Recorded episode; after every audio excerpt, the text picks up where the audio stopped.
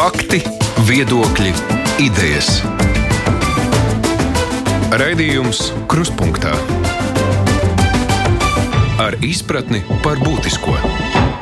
Aizsmeļamies, Tomsons šeit studijā. Mēs piekdienās kruspunktā atskatāmies uz nedēļas notikumiem, kas ir pievērsuši mūsu uzmanību kopā ar vairākiem žurnālistiem pandēmijas laikā mazliet sarežģītāk. Kādi nāk uz studiju, kādiem nākas pieslēgties attālināti. Mazliet jau tas sarunu apgrūtina, bet nu, ko lai dara? Divi mani kolēģi šeit, Mārija Ansvans, sveika. Māra Zanders, prieks tev redzēt. Savukārt tie, kuriem saknē jau nav vārds Māra, tie savukārt ir attālināti. Baigs Trautmans, sveika. Un Gundars Frieders, Latvijas televīzijā arī sveiks. Sveiki! Uh, reklamējot raidījumu, jau pieteicu, mēs runāsim gan par Rīgas domu, par notiekušo partijā saskaņu. Es gribu pievērsties arī demogrāfijas izaicinājumiem, var sakot, vairākiem tematiem. Man pašam sākot šķiet visinteresantākais ir tas, kas notiek partijā saskaņa. Mārija jau pagājušā nedēļā pieminēja Urbanoviča ierakstu Facebook. Toreiz mēs neko daudz vēl nevarējām komentēt. Divi tagad no saimnes frakcijas ir izslēgti. Viens no viņiem tomēr ir bijis diezgan ilgstoši tāda seja pirms vēlēšanām. Tā ir tāda likumsakarība, kas notiek saskaņā māri. Nu, tā sagadījās, ka pirms es nācu šeit, es parunāju ar Večslavu Dombrovski. Mm. Nu, viņš vienkārši ēda pie otra galdiņa. Es saprotu, ka nu, skaidrs, ka tur katrs interpretēs, kā viņam ienāk prātā, un droši vien Urbanovičs savādāk to interpretēs. Bet, nu, kā viņš saka, nu, ir dažādas skatījumi uz tā, kā vispār partijai jāattīstās, un, un, un viņa un Jāņa Urbanoviča skatījumi ir pilnīgi nesakrituši. Mm -hmm. un, nu, protams, man atklāts, ka vairāk interesē jautājums, vai, vai šiem diviem sekos citi. Mm -hmm. Un es tā saprotu, ka nu, vismaz viens sekos. Oh, tā viņš domā. Ja? Tā viņš domā. Ja. Nu, teikt, uh, nu, tas nozīmē, ka droši vien tas ir kaut kāds. Nu, domstarpības, kas nekad nav bijušas sevišķi slēptas starp, uh, starp to saskaņas daļu, kas darbojās Rīgas domē, un parlamentā. Nu, no tāda viedokļa, es saprotu, kur Burbuļs ir parlamentā. Parlamentā, bet nu, vienalga tur droši vien, ka uh, tie kaut kādi saskaņas frakcijas deputāti saimā, kas, kuriem liekas, ka viņi ir, nu, es tagad drusku ņirgājos, kur ir domas titāni un, un vispār intelektuāļi un, un, un, un tā. Viņi droši vien ir ilgstoši skatījušies uz to, kas notiek Rīgas domē un teikuši, tā nedrīkst. Tas mums nāk pa sliktu, un tā, un, un nu, tajā brīdī, kad viņu, viņu viedoklis netiek uzklausīts, tas sākās tāds brīnums. Es kā iznācu, ka es nostājos Dombrovskis pusē, bet nu labi. Jā, nu, man, okay. Es par to likumsakrību tādā ziņā, nu nav jau arī viņi. Pirms tam jau tur vēl tas četrnieks, cik viņas tur Rīgas domē izslēdz. Četrnieks, četrnieks tas bija, jā. Tad jau, arī. Nē, nu, tas jau, tad jau sākās tas sabrukums, bet, eh, ja mēs runājam par partiju kopumā, tad eh, man šķiet, ka tas ir arī pamatīgs trieciens eh, neveiksmi Rīgas domē partijai kopumā. Un, ja partijai kopumā ir neveiksms, tad atbirums agri vai vēl sāks. Jo, ja mēs atceramies, kāda bija saskaņa pirms Ušakova slavas gājiena Rīgā, nu, viņi bija daudz pieticīgāki. Jā, viņi tur eh, saimā opozīcijā visu kaut ko runāja. Viņiem bija arī, nu, it kā daudz maz deputātu skaits arī pieklājīgs, bet tomēr nu, tas nebija tas, kas bija tad, kad eh, Rīgā valdīja Jušakovs, jo tā bija, nu, viņi vismaz sevi, man liekas, uztvēra kā nu, tāda partija ar lielo burtu, ar svaru, un tagad pēkšņi ir tāds grāviens un nav aizmugurs nekādas. Jo, ja kādreiz saimā bija aizmugure Rīgā, un tas ir, nu, ir milzīga pilsēta un ļoti svarīga vieta, tad tagad šajā brīdī viņiem aizmuguras nav. Un es domāju, ka tur atbirums varētu būt nu, cilvēkiem, kuriem vienkārši. Vēlētājs aizmugurē vēlētājs. Bet, tas ir eh, sarucis. Tas jautājums īstenībā, cik tas ir sarucis. Es, ne, es eh, tik ātri tos bērnu vainagus tur nenestu. Mm -hmm. Nē, nu, bērs, bērs jau šobrīd laikam saskaņai nedraud, vismaz tā neizskatās. Bet, ja, bet kamēr viņi ir Rīgā, viņiem ir kolosālākais, kolosālākās iespējas izpausties. Viņi ir redzami acu es priekšā tajā brīdī, kad viņi ir tikai, tikai opozīcijā, viņi tā kā pazūd un vēlētājs arī pēkšņi viņus var, nu, tik labi neieraudzīt. Nu, lai gan tagad jums arī abiem, kas vēl skatās no tālākas skatu punktu uz mums, nu, arī jau tad, kad viņi nebija Rīgā, nu, viņi jau tur vēlētāji jau bija kā uzticīgi, viena saskaņa vien bija, nebija jau tur arī skrieja vēlētājiem cita izvēle, baiba. Es domāju, ka nekādā gadījumā nevajag novērtēt par zemu tiešām to, kas notika Rīgas vēlēšanās.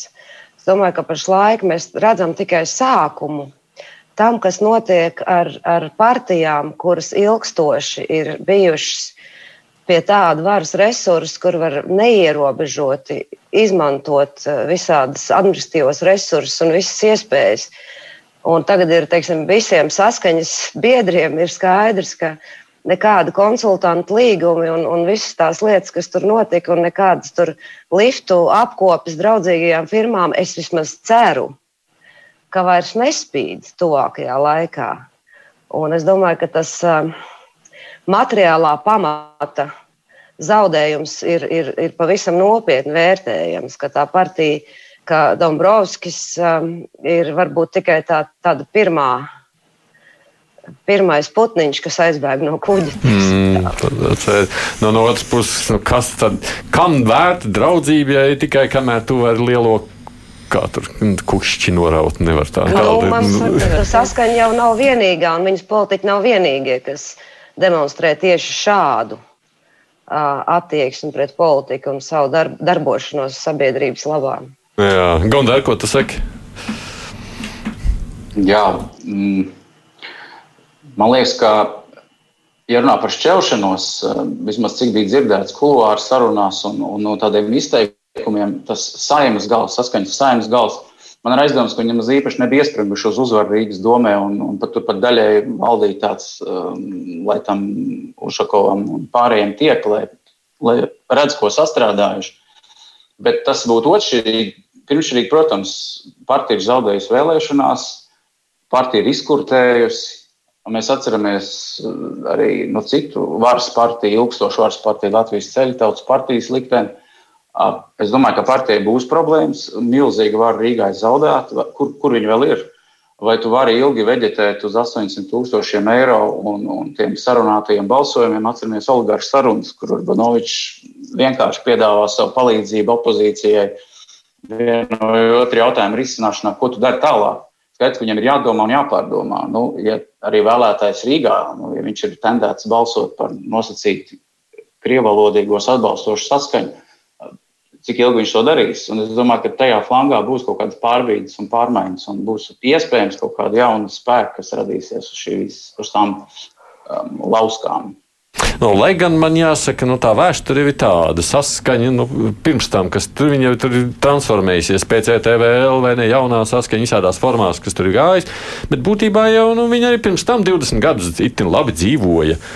Bez tādas varas opozīcija, nu, nekas vairāk, nu, vienmēr bija lielākā saimnes frakcija. Jā, vienmēr tā ir bijis. Nē, es, es piekrītu, jo, jo tas jautājums ir nu, tiešām par, par šo vēlētāju loku nosacīto. Jo, zin, kā, ir tā antropologiem ir tāds joks, ka uh, ka ne tik daudz ir jāuztraucas par to, ja jāinteresējas par to, kāpēc. Nu, kaut kāda kopiena kaut ko aizmirst, bet jautājums, kāpēc viņi vispār kaut ko atcerās? Tas ir apgriezt otrādi to situāciju. Un teicis, jautājums nevis, kāpēc saskaņa ir zaudējusi un kas tagad notiks ar saskaņu, bet jautājums ir, vai šie vēlētāji, kas ir pietiekoši liels skaits, vai kāpēc viņi turpina, kāpēc viņiem saskaņa ir tomēr paliek pirmā izvēle Un, ja viņiem kaut kas nepatīk, tad viņi vienkārši neaiziet uz vēlēšanām. Tā, tas ir kaut kas fenomenāls no tāda viedokļa. Jo, jo kamēr tas būs pirmā izvēle vai vienkārši tāds kopumā atbalstāms projekts, nu, tikmēr tur tā vienkārši tie saskaņas cipari staigās, bet nekur viņi nepazudīs. Bet šī neaiziešana uz vēlēšanām, nu, mm -hmm. kas tā varētu likt domāt, šoreiz ir notikusi saskaņas vēlētāju pusē. Nu, tur, tas nozīmē, ka citām iespējamām Krievijas partijām, jo tomēr jau tajā flangā ir parādījusies zināma konkurence. Ne tikai Latvijas-Krievijas Savienība, tur parādi, pamēģināja vēl tādu alternatīvu. Nu, nezinu, Bet redz, saskaņa jau nebija tikai Krievu vēlētāju partija pašā, nu, jau tādā noslēguma posmā, jo pēdējās vēlēšanās eh, bija diezgan daudz, īpaši Rīgā, latviešu, kur teica, es balsoju par saskaņu, jo tāpēc es esmu vīlies eh, latviešu partijās, balsoju par saskaņu, un es domāju, ka tā ir tā daļa, kas gan var aizsteigāt kaut kur citur projām, jo ir arī citas partijas, kuras var piedāvāt kaut ko tādu sirsnīgu un tīkamu. Nu, bet Krievu vēlētājiem šī alternatīva nav, nu, vai redzot to, ka pašreizējais saskaņas vēlētājs ir uz tādas pauzes, palicis. Nu, tā nav iespēja viņiem mēģināt ielikt vairāk to kāju durvīs un sacīt, re. Jā, tas, kurš būs tas licējs? Nu, jautājums, un ar kādām metodēm tā likšana notiek? Mēs tā labi zinām visu to smadzeņu skalošanu pirms visām vēlēšanām, ko saskaņa ir spējusi veikt pateicoties tam, ka viņai ir bijuši resursi. Mēs zinām, ka pilnīgi vienalga, ka Ušakovs nekandidē uz sājumu, viņš ir uz visiem autobusu dibeniem, es atvainojos kopā ar, ar saimnes deputātu kandidātiem un tā tālāk un tā joprojām. Es pieļauju, ka pirms šīm vēlēšanām, kāpēc varbūt viena no versijām, kāpēc saskaņas vēlētājs tik maz aizgāja uz vēlēšanām, ka varbūt ka nebija visas kāpņu telpas un lifti un visas malas izlīmētas ar tiem plakātiem. Un, un tas, ko Mārs teica, ka kāpēc kopiena kaut ko atceras vispār. Jā, varbūt viņam neatgādināja pietiekami skaļi. Man liekas, ka teiksim, tā smadzeņu skalošana jau ir ārprātīgi efektīvs līdzeklis. Mēs ļoti labi saprotam, ka liela daļa no teiksim, attīstībai par progresīvo veiksmes stāsta ir tas, ka viņiem bija masīva un ļoti pārdomāta un ilgstoša kampaņa. Ka, nu, mēs to varam saukt arī par smadzeņu skalošanu vai par pie, ko, piespiešanu kopienai par kaut ko atcerēties. Nāc, tam ir galva. Nu, Nē, labi, es piekrītu. Tāds arī. Bet skatoties tagad tajā, ko savukārt kolēģis sacīja par um, latviešu vēlētāju.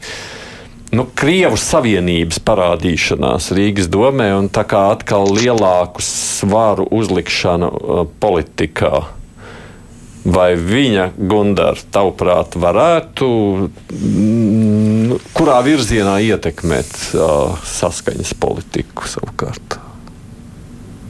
Es nedomāju, ka saskaņas politika nu, kaut kādu daļu paņēma Krievijas Savienība, neapmierināta ar saskaņas politiku. Kaut kāda daļa iespējams, kā jūs mums sakat, um, jaunāku cilvēku nobalsoja arī par progresīviem, kas kādreiz varbūt būtu balsojuši par saskaņu, bet tur um, pamat. Um, vēlētāju auditorijai droši vien tas uh, nu, alternatīva saskaņai nav parādījusies un arī droši vien neparādīsies. Un man liekas, ka te ir svarīgi, cik veiksmīgi vai neveiksmīgi jaunā Rīgas doma darbosies nākamos gadus.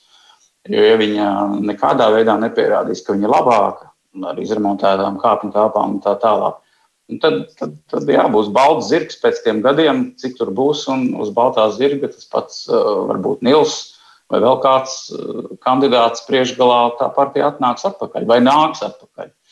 Tā kā, domāju, ļoti daudz kas būs atkarīgs no tā, cik labi menedžēs savu darbu un nu, pārdos to jaunais Rīgas domas sasaukums.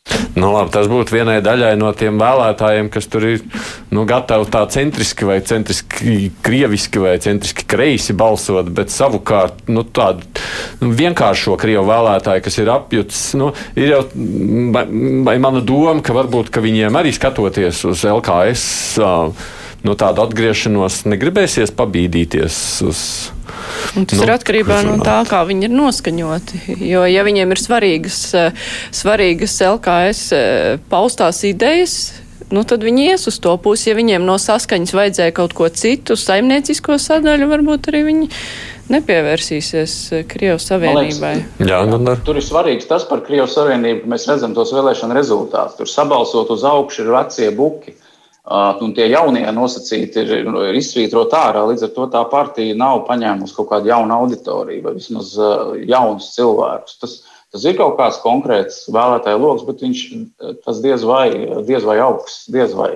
Ja tu būtu, ja tu būtu saskaņas konsultants, tad teiktu, uz viņiem nevajag nu, mēs redzam, ka tas nav tas, kas strādā vismaz uz, uz kaut kādu tādu nu, ne īpaši šovinistiski vai nacionālistiski noskaņot krievalodīgi vēlētāji. Mhm. Pavisam tāda triviāla atkāpe. Man skatoties uz tevi, tad tāds variāls ap galvu, ja tā, tā, lampa aizmugurē spīd. Tā, kā... lampa spīd, es esmu montāžā. Redzi, nu, Tad, kad mēs būsim vienā mājā, tad mēs runāsim savādāk šeit. Es saprotu, vienkārši neprovocē mani. Neprovocē mani. Apgaist, apgaismojums būs normāls televīzijā. Es, es bez gaismotāja mēģināju iekadrēties šeit. Bet pabeidzot par šo sadaļu. Saskaņai, nu, kādreiz mēs sacījām, ka tā lielā problēma, ka viņiem ir viens nils un nav tāda īsta sekotāja Rīgas domē, mēs to tiešām manījām. Viņiem tā nepieciešamība pēc jaunām sejām ir. Dombrovskis tad izrādījās, ka nu, neveiksmīga seja, kas nespēja uzrunāt krievu vēlētājus. No Viņam vai tu deva iespēju to darīt tik ļoti, redz, pret viņu tik nesmuki izdarījās, Kurš? runājot par Eiropas parlamentu ah. vēlēšanām, ka es nezinu, vai viņam bija pašam vēlme iet priekšā un vest partiju tālāk, kas, nu, à, nu tas, tas nebija glīts. Var jau būt, ka nu, tur bet... viss sākās, jā, nosaka baiba.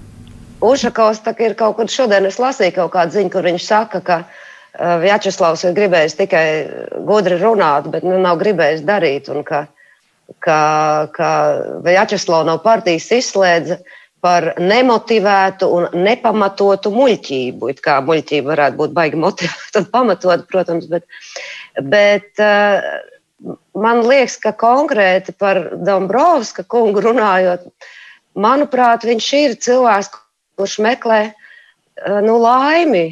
Tā teikt, jo pēc tam, kad viņš uzliekas tik augstu ar Zatleru reformu partiju, uzreiz pa ministru, tādu un šitādu, un, un, un tad vienotībā vēl ministrs, un, un, un tad viņam solīja premjerministru. Un, manuprāt, viņš tiešām ir cilvēks ar ļoti augstu pašvērtējumu, kurš uzskata, ka nu, viņam tāds partijas ikdienas darbs nu, varbūt nav saistošs tādā. Man liekas ļoti interesants arī, kāpēc uh, Švecova tiek padzīta, ņemot vērā viņas visu background un, un, un, un visādas, tā teikt, versijas. Tas arī, starp citu, ir interesanti. Tas ir par sliktiem izteikumiem sociālos tīklos, vai cik es saprotu? Jā, ka viņai roka nenodrebēs. To es saprotu, Jā, bet es nedomāju, ka tur uh, pašreizējā partijas līderi. Bet es gribu, man, man liekas, ka nu, skaidrs, ka Vjačslavs Dombrovskis aizgāja, un tur noteikti ies vēl pēc šādiem zaudējumiem. Skaidrs, ka tur būs uh, milzīgi plūdīs plom, prom cilvēki. Bet, bet tas, ka lokomotīva ka nokļūdījās saskaņa un tīra analizē vēlēšanu rezultātus, arī skaidrs. Man, piemēram, liekas, ja viņi būtu izvirzījuši priekšā uh, Regīnu Ločmeli, bet kur es saprotu, pati nav gribējusi, Es domāju, ka viņi būtu daudz veiksmīgāks variants. Viņi ir uzrunājuši arī, arī daudzus eh, latviešu runājošos ar zolitūdas, eh, nu, skaidru valodu, zolitūdas traģēdijas lietām un tā, un, un ar tādu enerģiju. Bet nu, tā ir saskaņas problēma, protams, ko viņi liek bieži. Bet nu, tavs sacītais arī liekas, domāt, nu, viņiem vajag kaut kādu, nu, viņiem vajag kaut ko, nezinu, pamanāmāku, jaunāku, atpazīstamāku, kas spēj aizraut. Nu, taisnība, bet vienīgi cita lieta, ka tas ir visām, uz visām partijām attiecās. Nu, tas ir tāds filozofisks jautājums, kāpēc nu, cilvēki... attīstībai pār varbūt šobrīd progresīviem mazāk. Labi, labi bet nu, tas ir jautājums, kāpēc cilvēki negrib, negrib ar politiku nodarboties, un turklāt to pat nevar nevienam pārmest. Nu, nu, ja, ja, ja izslēdz tāpēc, ka tu esi kaut ko izteicies sociālajos tīklos, tad es domāju, ka tur neviens arī negribēs pievienoties tādai no, nu, partijai. Jo publiski tas tā sanāk, vai ne? Tu pateici, tu uzrakstīji man, ja kaut kā šī tā teikuma, mēs tev slēdzam ārā. Nu, Kurš ne, es nezinu, man tas stāsts viss tomēr izskatās, ka tur vēl kaut kas ir bijis apakšā, ko mēs nezinām. Nu, nevar būt tā, nu, ka, ka vienkārši kāds kaut ko nav pateicis, tam Brauskis nesaprot, eh, ko viņš īsti ir izdarījis un ņem un izslēdz, un visi brīnās. Nu, kaut kas tur vēl ir bijis, man liekas. Man studijā būs pirmdiena lielajā intervijā Igors Pimanovs. Mēs tiešām gribējām ar, par saskaņu, ar saskaņu runāt. Un, nu, tāda izvēle bija, kādu ilgāku laiku domājām, kuru nu, mēs izvēlējāmies viņu. Nu, redzēs, varbūt kaut kādu skaidrības mēģināšu dabūt. Protams, ceri, ceri, ceri, ceri, ceri, ceri vienu.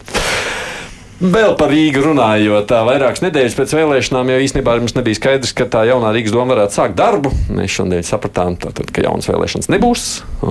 Balsts ir pārskaitīts, nekas tajos vēlēšanu rezultātos nemainās. Vispār, ja runājam par šo tiesas pieeju, kā, mēs, kā tu to vērtē, Baiba?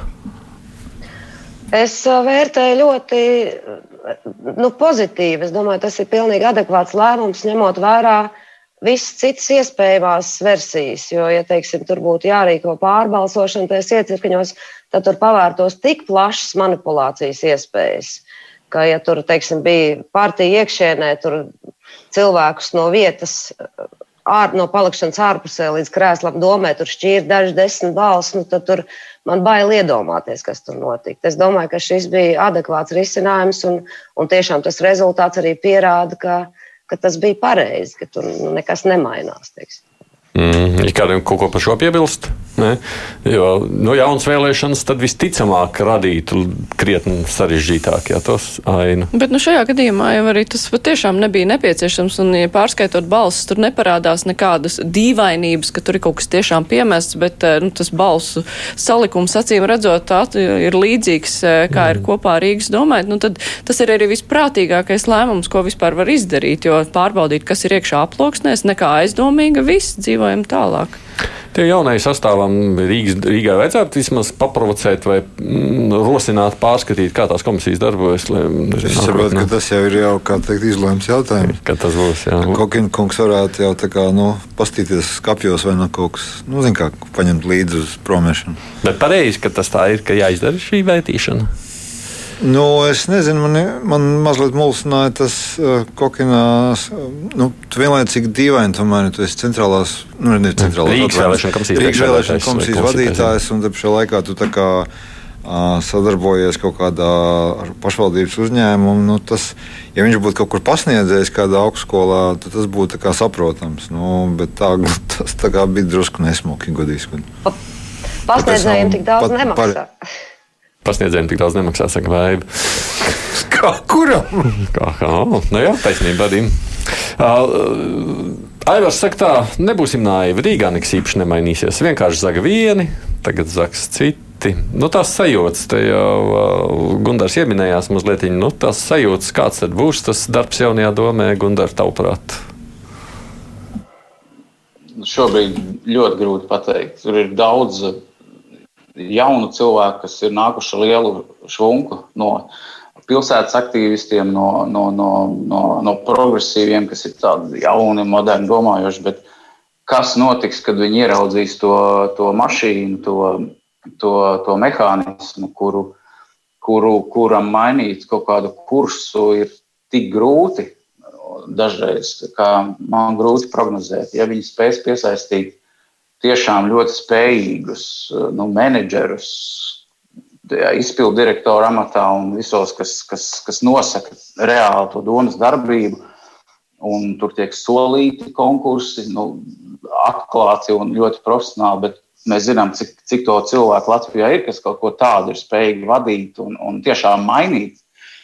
Mm, ļoti grūts uzdevums. Ko cits saka? Es, es, es, man cīniski tā attieksme, ka jautājums ir, nu, cik politehnoloģiski jaunais sasaukums precīzi strādās. Jo, nu, Piemēram, ja, ja viņi mūsu tuvākos mēnešus izklaidēs ar stāstiem, ko, ko viņi ir atraduši visādas tas, ko Gunārs saka, nu, no. bijis. Nē, nu kā, nu, tas cilvēks, tas tomēr viņiem iedod attēlu. Ja? Es, es viņu vietā vienkārši reizi nedēļā nāku pa kādam ārā. Jā, jā, un teikt, paskatieties, kāds ir skaistums. Ja? Tur, jā. Jo tur, cebā, tur tiešām ir brīnumainas lietas. Jā. Pat ārpus tā, kas ir, ko viņi pamazām atklāja jā. sev pa sajūsmu. No tāda viedokļa viņi iegūst kaut kādu lufti. Nu, bet, bet skaidrs, ka viņiem būs grūti tā iemesla dēļ, ka, nu, cik es esmu runājis, tad nu, nav viņiem tādas īstas sajūtas, kā viņi, piemēram, taisās nomenedžēt. Vienlaicīgi to, ko viņi solījuši, un, piemēram, minimizēt visu to ārprātu, kas darīsies ar, ar Real Baltica. Nu, viņi, nu, viņi tā kā, zin, tas ir kā suns. Viņš saprot, saka, jūs saprotat, kas būs, ja jūs tagad uh, vēl. Nu, radīsies cilvēkiem nērtības, un tad uh, viss lamāsies. Jā, mēs saprotam, nu, ko darīsiet. Uf, seko smaga nopūta. Ja? Kā atbilde tiek minēta, nu, mums ir šoreiz labāka iespēja sadarboties ar valdību nekā iepriekšējā. Nu, tāpēc, ka partijas līdzīgas un tā, nu, brīnišķīgi, bet, bet viņiem ir nu, lieli, lieli. Cik tu prognozēji, ka tāda viena Rail Baltica izbūve varētu krietni pabojāt nu, bet, Protams, darams. tu pajautā, man, es jau tad, kad ir sastrēgums stundas, es pat eh, labāk nebraucu ar riteni pa baronielu, jo es zinu, ka tie vadītāji ir nokaitināti, un es viņu vietā arī būtu nokaitināts. Nu. Jo domāju, cilvēki nu, tur dusmīgi. Viņi, Tas... Bet tas trakākais, ka runājot par Real Baltica, tur viss ir nu, tik ļoti aizkavējies Arī. un eh, aizlaists. Eh, tur jau sen plāniem vajadzēja būt gataviem, kā organizēt būvniecību. Ko uzbūvēs? Arī ir iepriekšējās domas atbildēt. Nu, jā, protams, jau, bet, bet eh, prasīs jau no tiem, neuztrauks. Tas, tieši tā, prasīs jau no tiem, kuri organizēs, un vēl pēc tam, kad prasīs arī to, kas tur būs uzbūvēts. nu, nevis par pašām sliedēm, bet apkārt. Jā, jā. Tur jau arī, un to prasīs tai domai, un, diemžēl, līdz šim, nu, iepriekšējā doma par to pietiekoši nedomāja, un es nezinu, vai jaunā ir gatava par to domāt, jo priekšvēlēšana laikā par to kaut kā ļoti maz runāja. Baiba, tev ko sacīt šajā kontekstā vēl? Man īsti nav, es visam piekrītu, ka laiks rādīs, un arī, protams, tas uh, deputātu sastāvs uh, nav vienkāršs. Nav vienkārši. Mm. Gaidīsim. Nu, labi, gaidīsim. Mārija Ansona, Mārcis Zanders, Vaibs Trautmans, Gundars Rēders. Es atgādinu tie mani kolēģi žurnālisti, kas piedalās šīs dienas raidījumā.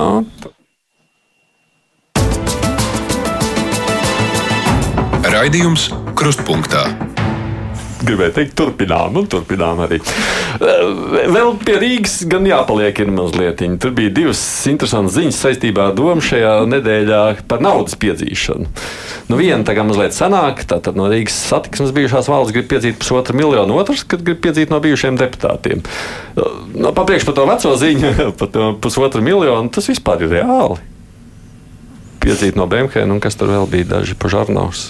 Pusotra miljonu. Es domāju, ka nē tas ir pareizi. Tas, nu, tas uh, algoritms ir pareizs. Tādā nozīmē, ka tas vienkārši signalizē par to, ka nu, pilnīgi nesodāmība nevar būt.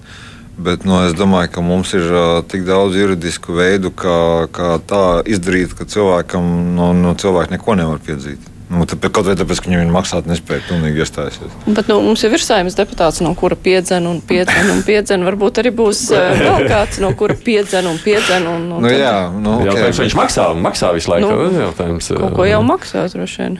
Jā, es vienkārši domāju, cik tā ziņa ir tāda, lai viņi skaisti izklausās baiba un cik tas ir reāli, ka tur ir kaut kam tiešām jēga par to tādā formā runāt.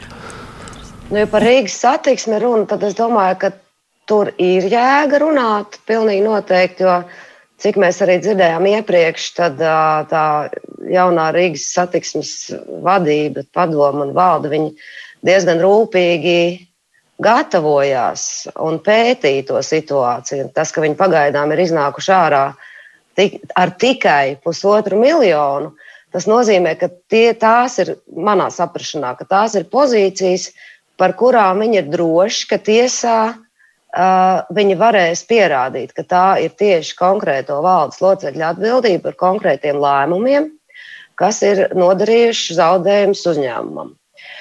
Un, nu, varbūt visu to pusotru miljonu neizdosies piedzīt, es pieļauju, bet kaut kādu daļu uh, varētu būt. Nu, mēs jau Māriju pieminējām, saimnes deputātu zināmo, nu, tikko bija arī ziņa, ka nu, tiek jau pirmā izsola rīkot uz kaut kādu nekustamo īpašumu, un tā tas turpina nu, kaut ko piedzīs. Tas, es domāju, pēc būtības tas ir pareizi, ka, ka sabiedrībai ir svarīgi redzēt, ka nu, tu tomēr pats atbildi. Kā, teiksim, kā valdes loceklis, tu esi atbildīgs. Es domāju, ka šajā gadījumā tas ir uh, Tas ir pareizi, bet nu, jāreikinās ar to, ka tas būs ilgi, gari, grūti, smagi un cik gadi paies, to, to jau nu, gan es ne, neprognozēšu tagad. Mm. Bet uh, vakar Šadurskas šeit līdzībās runāja, ka lūk, izpildītājs grasās nošaut un tos pasūtītājus neko. Nu, ar to dūmu, nu, labi, jā, ar to akmeņu. Nē, bet es, es, es, es, noprecizēšu, es jau arī piekrītu, un es arī domāju, ka pat tiesā pierādīs, bet jautājums vienkārši par to, ka centī īpašumi būs pārrakstīti. Jā, jā, un, mazbērniem. Jā, jā, no tādā nozīmē. Protams, jā. Mm. Es jau arī par tieši tādā ziņā domāju. Bet, ja runājam vispār no otras puses, nu, ko ar tiem pasūtītājiem, ja, proti, nu, nav jau tā, ka viņi to darīja galīgi uz savu roku un nedalījās, vai ne, un tur neviens neko nezināja. Klusā Rīgas satiksme. Tas jau bija visticamāk ar mūsu iepriekš pieminētās partijas pārstāvju ziņā. To ir visgrūtāk pierādīt. Nu, jā, to pierādīt. Bet vai tādiem kā Bemkenam, bet, nu, jā, bet vai tādiem kā Bemkenam, pa Žarnovām nebūs škrobi, ka viņiem jādalās šo cilvēku vietā? Viņi var tiesā liecināt. Ja, ja viņi rīkosies savādāk eh, nekā, piemēram, kādreizējais attīstības departamenta direktors Vilnis Štrams, kurš, aiz, kurš aizgāja un nosēdēja savu atvēlēto laiku cietumā un klusēja par to, par ko ir jāklusē, ja Bemkens darīs tāpat, nu tad, tad Tad, nu, ko, nu, tad, tad, tad viņš kādu savu daļu dabūs vajadzīgo labo. Ja? To es nezinu. Es vienkārši domāju, ja, ja par pasūtītājiem, nu, tad vienmēr ir jautājums, vai tu, vai tu runā. Nu, tad runā par tiem, kas to pasūtīja. Nu, ne jau vienmēr bet... grūti jau kādreiz. Jā, saka, baigi. Ir svarīgi, man liekas, nodalīt un atcerēties, ka mēs runājam par divām atsevišķām procedūrām. Viens ir krimināla process, kurā uh, Bemhems saprotot, kas viņam draud vai nedraud, ja viņš nodod vai izdod pasūtītājs vai neizdod un, un, un ir gatavs sēdēt, ka tur viņš varētu sākt ziņot. Bet šī ir konkrēti tā pusotras miljonus, tā ir civila prasība, kur, kur, kur uzņēmums pieņem zaudējumus no valdes locekļiem. Un, un, un tur, nu, acīm redzot, ir konkrēti paraksti, konkrēti kas paraksti, jā. izraisa konkrētas sekas Un tāpēc no konkrētiem parakstu licējiem var kaut ko prasīt. Krimināla, krimināla lietā ir pilnīgi nu, cita opera. Tur, tur, kas būs, to jau neviens nezina. Bet nu, mēs vismaz sakām, Rīgas satiksmē cerams, tā būs citādi. Baiba tur sacīja, ļoti optimistiski. Tas kāds atcer, atcerās, ar ko beidzās pasažieru vilcienam? Tā arī no valdes tur jā, pareizi, tur arī piedzēna. Jā, piedzena, jā, jā, jā. Un? Man liekas, tā ir kasācijas daļa palikusi okay. pēdējā šobrīd, cik es lasīju pēdējo ziņu. Um, bet, nu, ja par naudas pieziņu runājam, tad vēl viena bija savukārt no bijušiem deputātiem. To mēs šodien uzzinājām. Vakar, man liekas, tā ziņa parādījās, ka pašreiz pagaida administrācija grasās piedzīt no pārpa 30 deputātiem, kas uh, neļāva tad, tad atvērt spēļu zāli vienā no viesnīcām Rīgā. Nu, saprot, tiesas lēmums ir, ka viņam nebija tiesības neļaut vaļā vērt to kazino vaļā. Un, nu, tad uh, tagad izpildu direkcija grib no deputātiem piedzīt par nepamatotu lēmumu. Kā lai vērtē šo ziņu? Nu, tas būtu varants tas precedents. Eh, tad iedomājies, kas varētu uh, no saimas piedzīt pēc satversmes tiesas uh, spriedumiem, piemēram. Kaut vai tagad, kad satversmes tiesa ir nolēmusi, ka ir jāmaksā pa, lielāki pabalsti, tad varētu iet no deputātiem piedzīt, ka viņi kādreiz ir balsojuši par šiem zemākiem pabalstiem. Tas būtu nu, tiešām kaut kas neredzēts. Ja Bet es pat pilnīgi dzirdu, kad man nāk vēstules vai zvans, sakot, vai tad deputātiem par saviem lēmumiem nav jāatbild. Ja? Te lūk, Rīgas satiksmes valdē ir jāatbild, a deputāts dara kā grib. Nu, tad lai arī atbild deputāts par savu lēmumu. Bet tad ir maisām vāži gals vaļā. Es saprotu, tas pareizi izklausās, bet tad iestājās tur, nu, tur pilnīgs. Tur No, es ka Mārai pilnīgi, ne, tas būtu tā kaut kā jau. Tā jau tas nepatīk. No, Nē, ko tas man nepatīk. Tas būtu vienkārši ar, ar milzīgām konsekvencēm. Man te, man te vienalga no sērijas, bet konsekvences ļoti liels. Baiba. Es arī domāju, ka šis ir tāds brīnumaina ziņa kaut kāda. Īpaši ņemot vērā to, ka tai pagaidu administrācijai ir atlikusi kāda nedēļa, ko strādāt. Ja? Eh, tas nozīmē, ka ar piedzīšanu būtu jānodarbojas jaunajai domai. Eh, un nav jau tā, ka kaut kāda pagaidu administrācija pasaka, ka tagad jūs 32 eh, ļaudis, katrs atnesiet mums 300 eiro, un, un tad mēs būsim no jums piedzinuši. Ja es pareizi saprotu, tiesiskā valstī, pret katru konkrēto deputātu ir jāuzraksta pieteikums tiesā, jāmotivē, kāpēc tieši šis, jo tur ir tie, kas ir atturējušies no balsojuma, kas ir nebalsojuši, kas ir balsojuši pret, un tur ir dažādas tās situācijas. Un tad viņiem ir jāuzsāk 32 uh, tiesvedības par naudas piedziņu. Un, manuprāt, tas arī paredz visas instances, katrs varēs atkal pārsūdzēt. Un, ja tas tiešām tā notiks, ja, tad cik tas izmaksās beigu galā? Tai pašai Rīgas domai. Lētāk būs neko nedarīt. Uh, jo, jo te nu, ir, ir skaidrs, ka tā ziņa ir no vienas puses domāta kā tāda populāra ziņa, un mēs tagad piedzīsim no tiem, kas tur zaudējumus radīja, speciāli balsojot nepareizi. Kaut gan šis jautājums ir tik, nu, viņš ir tik. Viņš arī morāli um, sarežģīts. Nu, morāli sarežģīts. Tieši tā, ka, teiksim, tas, ko deputāts Ozols pateica, ka viņš ir labi, es samaksāšu, es balsoju, es uzskatu, ka es balsoju pareizi saskaņā ar sirdsapziņu. Ja? Tā kā, nu, te ir grūti, es to vairāk uztveru kā, kā attīstībai par. Uh, pārstāvošā ministra Pūces ieceltās Rīgas domas pagaidu administrācijas un līdz ar to arī attīstības, tā teikt, partijas varbūt sveicienu, tādu sirsnīgu sveicienu jaunajam sasaukumam ņemt vērā, ka ir lietas, ar kurām nejoko, teiksim tā. no, labi. Gundār, te vēl netika pie nu, vārda. Man liekas, ka viss jau arī ir pateikts. Pirmkārt, tur ir zaudējumi aprēķināts. Es redzēju to tiesas spriedumu. No, nu, acīm redzot, uh, Olimpika kazino Latvija ir labi advokāti, labi pastrādājuši. Ir no, spriedums, kas, kas aiziet uz Rīgas domu.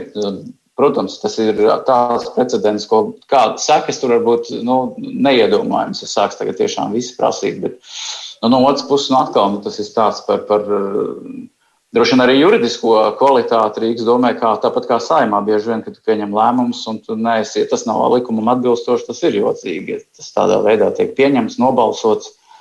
Un, ja tad neviens nav teicis, ka jūs varat juridiski nepareizi izdarīt, tad, tad, tad ir. Nu, Nē, nu tā ziņā bija, ka jū, domas juridiskā pārvalde ir brīdinājusi, ka viņi nedrīkst nejaukt. Ir brīdinājusi. Jā. Un, bet nu, deputāti vienalga ir balsojuši tā, kā viņi uzskata, kā, kā pareizi. Pēc sirdsapziņas. Pēc sirdsapziņas, jā. Jautājums arī, ko tu saki pareizi, Gunter, par tiem 12,000. Kāda ir tā, jo tur tajā ziņā bija izpildot administratīvo līgumu par tiesiskā strīda izbeigšanu administratīvajā tiesvedībā, pašvaldībai jāmaksā. Kas ir tas administratīvais līgums? Kā par viņu vienojās, cik varbūt viņi prasīja vairāk, un tad, tad tā administrācija nosita to ciparu uz leju. Kas tur notika? Nu, kāda vienošanās un cik, cik intensīva administrācija tomēr centās aizstāvēt kaut kādas Rīgas domas intereses? To jau mēs nezinām. To vajadzētu pētīt un skaidrot. Nu, labi, Protams, arī... tas ir interesanti jā, jā. arī tajā kontekstā, ka tieši azartspēļu atrašanās un kur tā atradīsies tās vietas, visā tajā kontekstā šis, protams, ļoti zīmīgs. Un, um, Zīmīgs gājiens, un, un redzēsim, kā, kā arī jaunā Rīgas doma tiks ar to galā. Tas ir kaut kas cits stāsts, bet tas ir ļoti mm. interesants politiskās uh, nianses valdīs pašā Rīgas domē. Tas gan taisnība. Jā, jā, jā. Ričs saka, ka vēl vajag diskusiju par parādu cietumiem mums taisīt svarīgi kādreiz pieminēts temats. Ne tikai par Rīgu, vēl par Latviju runājot, mums vēl ir minūtes 15 šobrīd. Um, Finanšu ministrs bija šeit kruspunktā mums arī un teica, ka lielākās diskusijas tajā nākamā gada budžeta kontekstā, kas vēl ir palikušas, tur ir notiek ar demogrāfijas izaicinājumiem. Tur, protams, vai un kā ir iespējams veicināt dzimstību Latvijā. Es saprotu, ka tā bērnu dzimstība turpina sarukt. Mums tā situācija ir, laikam arī nākotnē, lūkojoties gaužām pesimistiska kā piedabūt vairāk dzemdēt bērnus. Apmēram tāds ir tas uzstādījums šobrīd, politiskais. Mums uzstādījums vai? Es nezinu, kāpēc tas vīriešiem vai sievietēm. Es, es ar, par, par nodokļu reformu uzreiz pievilku. Man šķiet, ka nodokļu reforma gan nav tā, kas eh, mudinās cilvēkus eh, laist pasaulē vairāk bērnus, jo tas tās lietas, kas tur ir izlīdušas laukā, kas attiecās uz pašnodarbinātajiem, kas attiecās uz. Nedzemdēs nu, kā man pirmais bērns piedzīva tieši tad, kad es biju pašnodarbināta. nu, labi. Um, bet, uh, tu man nosit domu. Kā? Nu, jā, bet, eh, nu, pat, piemēram, nu, pat, piemēram, eh, parādījās, ka uh, šī nodokļa reforma izskauž jebkādus darbus, kas ir ceturdaļslodze, pusslodze, neliela slodze, kas ir ļoti aktuāli tieši ģimenēm ar bērniem. Mm. Jo viens vecāks varētu strādāt šo mazo slodzīti, piepelnīt naudu mm. un rūpēties par bērniem. Tagad tas tiek izskausts, un šādas profesijas nav vajadzīgas. Nu, tad ģimenes reiz sāk domāt, hmm, nezinu, nu vai es varu atļauties. Nu, tāds sīkums, bet tas ietekmē. Mm. Tas ietekmē cilvēku arī nu, tādu stabilitātes sajūtu, to, jo katrs jau domā, nu, kā viņš to bērnu varēs uzturēt. Un šie lēmumi kaut kā nu, nav motivējoši. Nu, ja tu runā Jā, par sapratu. budžetu, finanšu ministru un demogrāfiju. Tad tās visas sarunas, kas tur droši vien ir. Es jau paredzu, ka viņas nu, saprot, veidāties pamatā pabalstiem, vai ne? Cik tur var atkal iedot vai nevar iedot. Bet te pabalsts tas ir ļoti īslaicīgs. Tas nav ilgtermiņa. Nu, ja, ja tie lielie pabalsti ir pašā pusotrā gadā bērnam, tad ir tas liels pabalsts. Viss ir ļoti forši. Bet eh, tālāk, nu, ne jau tas pabalsts būs tas, kas nodrošinās bērnu eksistenci. Galvenais, lai mm. ģimenes var normāli strādāt, lai var rēķināties ar, ar to, ka viņi varēs paši nodrošināt nodrošināt bērnu, nevis pabalstu prasīt. Nē, jau tikai man kā feministei. Ja. Nē, tas ir kā, nu, tas ir vecais. Feministam. Nu, kāda starpība? Uh, ne, tas jau rietumos bieži apspriests tēma, ka ļoti daudz ir ne tikai stāsts par kaut kādām naudām, nu, bet arī, piemēram, par darba devēja attieksmi. Nu, tas, ko Mārcis pieskārās. Jo, arī, jo nav jau runa par to, cik ilgi un cik liela pabalsts būs, kas arī, protams, ir, ir svarīgi, vai nu, atbalsts vai vienalga. Bet tas, vai, vai, vai tu zini, kā darba tirgus izturās pret uh, cilvēkiem, strādājošiem ar maziem bērniem, kuriem, kuri kaut kāda iemesla dēļ nezinu, laiku pa laikam izdomā, ka viņiem ir jāsaslimst. Ja? Vai, vai teiksim, vispār kaut kā. Un, ja darba, ja darba devēja izturās neiecietīgi, tad uh, grūti ir prasīt no, no cilvēkiem, lai viņi, jo īpaši sievietēm, lai viņi saņemtos uz šādiem, šādiem vingrojumiem, kā nākamais bērns vai pirmais bērns. Nu, ko te jūs iete, iesakiet valdībai? Jūs divi konsultanti tagad man dodiet padomus ministru kabinetam. Gundar. Man liekas, skaidrs, ka viss, mēs visi gribam dzīvot labāk. Skaidrs, ka valstī vajadzīgs drošības pilvens tiem, kas izkrīt ārā no, no aprits. Tas ir skaidrs, bet man vienmēr mulsina tā, šo visu pasākumu saistība ar demogrāfiju. Tāpēc, ka, tāpēc, ka pastamies datus Eiropas Savienībā, kur ir daudz, daudz labklājīgākas valsts nekā Latviju. Un nekur, nekur, gandrīz nekur nav dzimstība tie 2,0 bērni uz vienu sievieti. Tā kā tas būtu vajadzīgs, lai sabiedrība normāli atražotos. Viņu nav vienkārši. Es neesmu dzirdējis arī par emig, um, bērnu bumu tiem latviešiem, kas ir aizbraukuši un dzīvo labklājīgākās valstīs. Man liekas, ka tā ir savukārt, problēma. savukārt Indijā un visur citur viņiem nav problēmas, vai ne? Kaut kādās tādās. Savukārt daudzās trešās pasaules valstīs tur viss notiek, tā, un, un par to jau arī daudz speciālistu runā arī Eiropā. Tur ir vajadzīgas gan dziļākas, struktūrālas sabiedrības izmaiņas, dzīvesveida izmaiņas nu, un, un, un, un darba režīma izmaiņas, kuras, um, kuras nemaz tik viegli mēs Latvijas līmenī nevaram atrisināt lai, un, un teikt, ka tāpēc mēs uzlabojām demogrāfiju. Es tas būtu tā ļoti ļoti vienkāršot šobrīd pateikt. Bet, protams, ka ir jādzīvo ir labāk, un tādas drošības sajūtai ir jābūt lielākai, un tas var būt kā daļējs kaut kāds atspējs. Tagad ir otrs feminists runās par precambaibu. Nē, es, es par to, mazliet, mazliet pielabojot kolēģi. Ne, Francijā tie demogrāfijas rādītāji ir salīdzinoši labi. Uh, bet bet iem, viens no iemesliem ir tāds, ka varētu likties Francijā. Tas, ka tieši ir labs nodrošinājums uz pirms, respektīvi, nav nekāda problēma uz pirmskolu, uz, uz vispārējo, un, un saprot, ka darba vide arī ir draudzīga šitam stāstam. Ja, tāpēc arī tas tā ir. Tikko tur ir tā, ka. Tikko, nu, kā, eh, tas ir ļoti atkarīgs no darba vidas. Nē, nu, droši vien, ka mēs nevaram mainīt kultūru, nekrusāmies kļūt par trešo pasaules valsts. Tas nav arī skaidrs. Meklējam risinājumu šeit, vai var vispār atrast baiba. Saki, tu. Nē, nu, es domāju, ka var vienmēr sākt ar, ar, ar, ar it kā vienkāršām lietām. Nu, piemēram, radīt jauniem cilvēkiem drošības sajūtu par to, ka tajā brīdī, kad tas lielais līdz pusotram gadam pabalsts beigsies, ka viņa bērnam būs vieta normālā, labā, atbilstošā pavisam maziem bērniņiem bērnu dārzā. Un ka tur viss notiks, un ka tā vietiņa būs, un ka tu varēsi mierīgi pēc tā pusotra gada iet atpakaļ strādāt.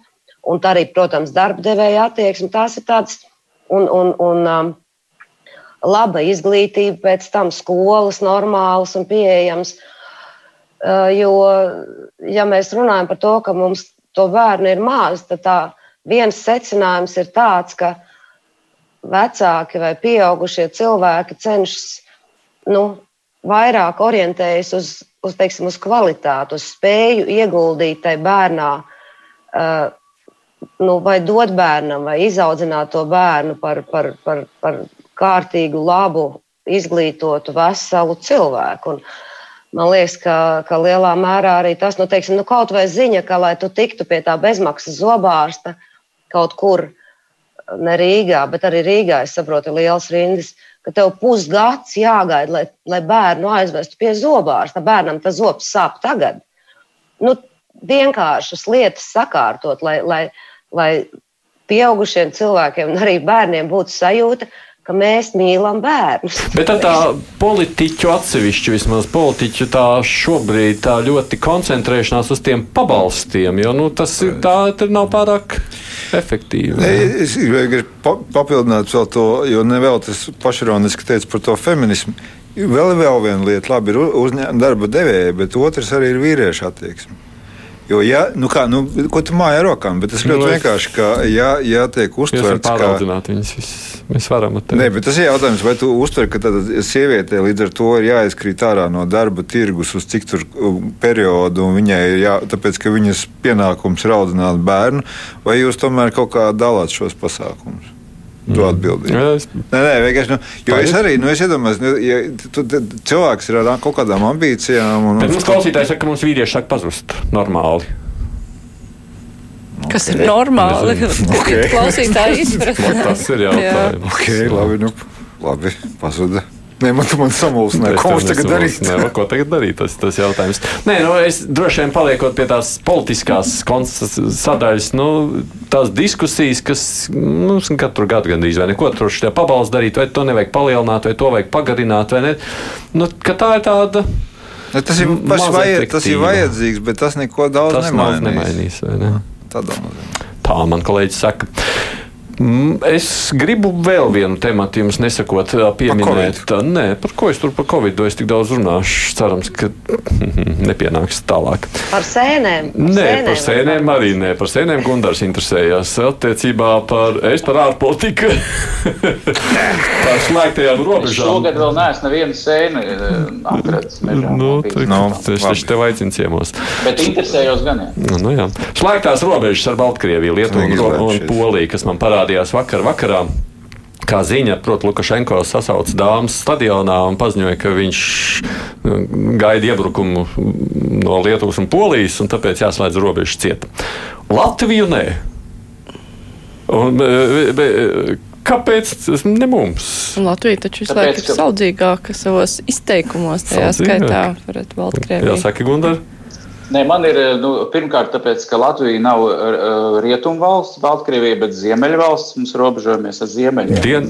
Lukašenko runā par, par tikai par rietumvalstīm. Jā.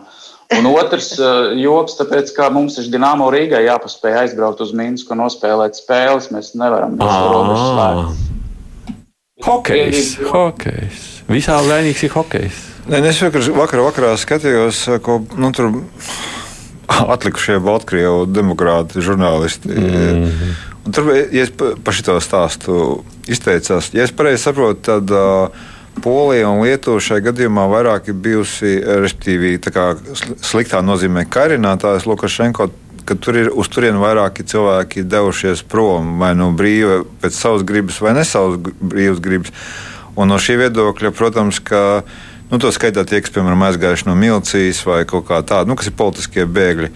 Un droši vien, no šī viedokļa viņam noslēgt šī, šo iespēju doties prom, piemēram, uz Ukrajinu, Poliju vai, vai, vai, vai Lietuvu nu, šiem neapmierinātiem cilvēkiem viņam ir būtiski. Viņš taču, man liekas, pat grib, lai viņi dodas prom. Viņš tur dažus ar varu mēģina izdabūt aiz robežas. Nu, jā, bet, zini, kā nu, no otras puses nav liels prieks, ja tev aizbēgt. Pēdējais bija no prezidenta administrācijas viens pārvaldes vadītāja vietnieks, mm. un, un, nu, kurš, protams, pēc tam sēž Kievā vai Varšavā un stāsta visādas nelietības par, par tevi. Ja?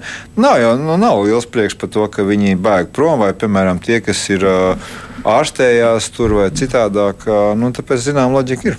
Jā, nu, tu savukārt saki, ka mēs pārāk mīksti bijuši, tāpēc mēs no, tā arī. Mēs, mēs bijām visu laiku maigāki gan savu amatpersonu izteikumos, un, nu, es nezinu, man gan negribētos domāt tas, ko tikko Mārs teica par eh, šo te cilvēku potenciālo bēgšanu, ka, ka viņi varbūt nerēķinātos ar to, ka Latvija viņiem tā dotu politisko patvērumu. Es ceru, Mums. ka tas tā nav, bet lai gan līdz šim ir bijuši gadījumi, cik es esmu dzirdējusi, kad nav dots šis patvērums. Jā. Un, Ja bija, bija, bija viens, eh, bija par vienu puisi stāsts, bet es, es et, eh, vārdā nesaukšu, es neatceros presē, kaut kur bija internetu portālos minēts, bet, nu, ka mēs varbūt, es ceru, ka tas tā nav. Ka, ka viņiem šķiet, ka mēs varbūt nemaz visiem tā nedosim. Es ceru, ka tas tā nav. Baiba, jo es domāju labāk šo? par Latviju, protams. Es saku, ka es jau sen esmu pārstājis censties saprast, kas notiek Lukašenko galvā. Uh, nu, ja neskaita pilnīgi kaut kādu tādu varas koncentrātu, kurā nekā, nekam citam vairs vietas nav. Bet es kaut kur jautājumā, kāpēc ne uz Latviju? To robežu slēdzi. Es droši vien esmu gatava atbalstīt Gunara versiju par to, ka tas hokeja čempionāts tā vēl nav nogriezt līdz galam. Jo Lukašenko jau būtu ārkārtīgi svarīgi. Uh, nu, noturoties pie vāras, uzrīkot šitādu hokeja čempionātu un, un Eiropas Savienības dižā valsts Latvija piedalās, viņš, viņš turpina būt iekšā, teiksim tā. Viņš piedalās, un viņš mums, joprojām ir. Mums ir svarīgi aizbraukt tur un uzspēlēt. Mums tieši vajadzētu atteikties. Nē, nu, nu mums, mums ir, mēs jau esam dzirdējuši visu, ko Kalvīts saka, ja, ka hokeja saimniecība nesapratīs šito. Nu, tad no tavu jautājumu es varētu secināt, ka tu sagaidi, ka mēs tagad varētu no savas puses slēgt robežu ar Baltkrieviju, parādīt, ka mēs arī gribam. Gundar, Man liekas, ka ja, es domāju, ka tā robeža slēgšana Lukašenko ir tāds vairāk demonstratīvs gājiens, pateikt, ka tur ir tās jaunās NATO valstis, jo tā, tas, ka viņš dzen ar labprāt dzen prom visus, kas viņam traucē, tas jau ir skaidrs vairāk nekā viņš tur mēģina kaut ko nosargāt. Un, un otrs, ka skaidrs, ka Polija Lietuva diplomātiskā līmenī ir nu, viņi darbojās Baltkrievijas lietā, Latvija tikai piebalso faktiski. Un, um, gan poļi, gan lietuvieši ārlietu ministra līmenī vismaz ir tikušies gan ar to pašu uh, Tihanovsku, gan ar uh, vēl vienu aizmirsu ātrumā uzvārdu. Nu, bija cilvēks viens, kas Latvijā, kurš, ir, nu, kurš šobrīd braukā riņķī un tiekās ārlietu ministriem, to viņš dara Lietuvā. Nu, mēs esam tikai sazvanījušies ar Tihanovsku pa telefonu, ja, nu, tā diplomātiskā līmenī. Mēs neesam, ja, ja vispār kāpēc mūs neaiztiek, tad mēs šobrīd esam cik vien iespējams mērani un acīs nekrītoši. Klusi un maziņi. Jā, man par šo gribētos vairāk parunāt par mūsu mērenību un acīs nekrišanu, bet to tad uz nākošām reizēm varam atstāt sarunu. Paldies jums par iesaistīšanās, kolēģi! Paldies par tiem, kas no Paldies. saviem studijām ar Oriolu, kas ir Gundars Rēders Latvijas televīzijā un Baibs Trautmani no savas Paldies. puses, Mārija Ansona šeit, Mārs Zanders. Paldies jums arī par atnākšanu. Kā jau es sacīju, pirmdien mums lielā intervija ir ar Igoru Pīmenu, runāsim par saskaņu. Nu, kāda ir tā viņa skatījumā, nu, partijas nākotnes vīzija. Es domāju, mums tur noteikti būs par ko daudz arī runāt. Bet kurspunktā šodien līdz ar to izskan producentam sevi un āmu studijā bija Aits Tomsons. Es jau labprāt visiem novēlu jaukas nākamās brīvās dienas uz tikšanos nākamā nedēļa.